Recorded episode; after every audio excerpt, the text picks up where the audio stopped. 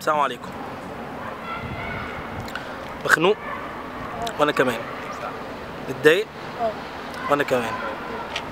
في شوية حاجات كده آه، لازم تبدأ تسأل نفسك قبل ما تقولها. قبل ما تقول مخنوق ومخنوق من إيه وليه وإزاي وفين وإمتى والساعة كام وقبل ما تقول أنا متضايق ومتضايق من إيه وليه وإمتى وفين والساعة كام ابدأ فكر بشكل عميق جدا. يا ترى الحاجة اللي أنا مخنوق لها أو الحاجة اللي أنا متضايق لها تستحق ولا ما تستحقش؟ يعني بشكل أدق في حاجات كتير قوي إحنا بنظن إن هي آه، تضايق وتخنق وهي في الحقيقة لا تضايق ولا تخنق بالعكس دي بتبقى نعمة وخير كبير جدا جدا من ربنا إن هي جات لك. وخلينا أشارك معاكم تجربة شخصية. في موقف حصل في حياتي من فترة قريبة. هذا الموقف أثر فيا بشكل كبير جدا جدا جدا. حاجة حصلت واتفاق عملته في الشغل وبعد ما اتفقت الاتفاق ده الطرف الآخر أخلي بيه.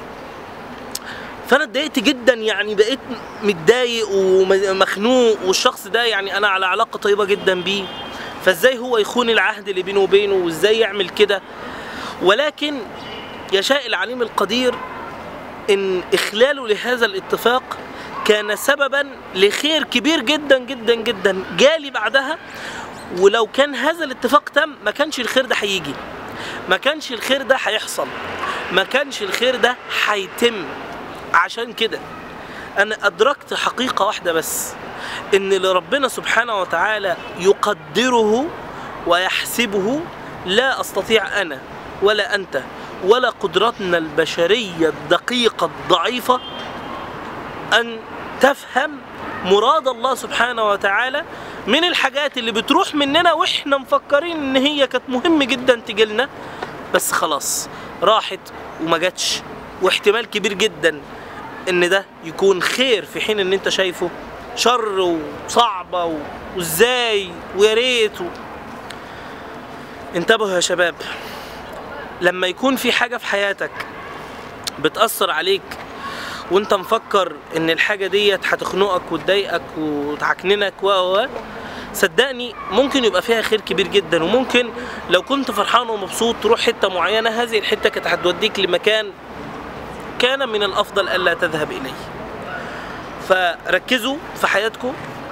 هي طريق انت ماشي في الطريق ده لغاية ما توصل للمراد اللي انت عايزه. طريق مفتوح امشي طوالي وما تحودش لا يمين ولا شمال. الطريق هو طريق ربنا سبحانه وتعالى طريق الترك على الله سبحانه وتعالى عليك الفعل وعلى الله سبحانه وتعالى التقدير. فإن تجتهد واتعب واسعى الحاجة راحت جات ما جاتش في حياتك الشخصية في حياتك المهنية ما يفرقش. ربنا سبحانه وتعالى مقدر كل شيء. ثق في ربنا سبحانه وتعالى ربنا سبحانه وتعالى ما بيديكش أي حاجة وحشة. أنا أتمنى إن أنتوا يا شباب تحطوا هذا المعنى في قلوبكم. ولا في وليس في عقولكم.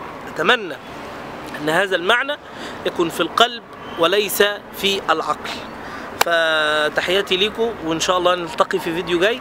تنسوش تعملوا like على الفيديو دوت وتعملوا share و subscribe على القناة عشان أصحابكم يقدروا إن هم يشاركوا الفيديو ده ومستني تعليقاتكم تحت الفيديو عن رأيكم في الموضوع ده. تحياتي ليكم كان معكم محمد شريف. السلام عليكم.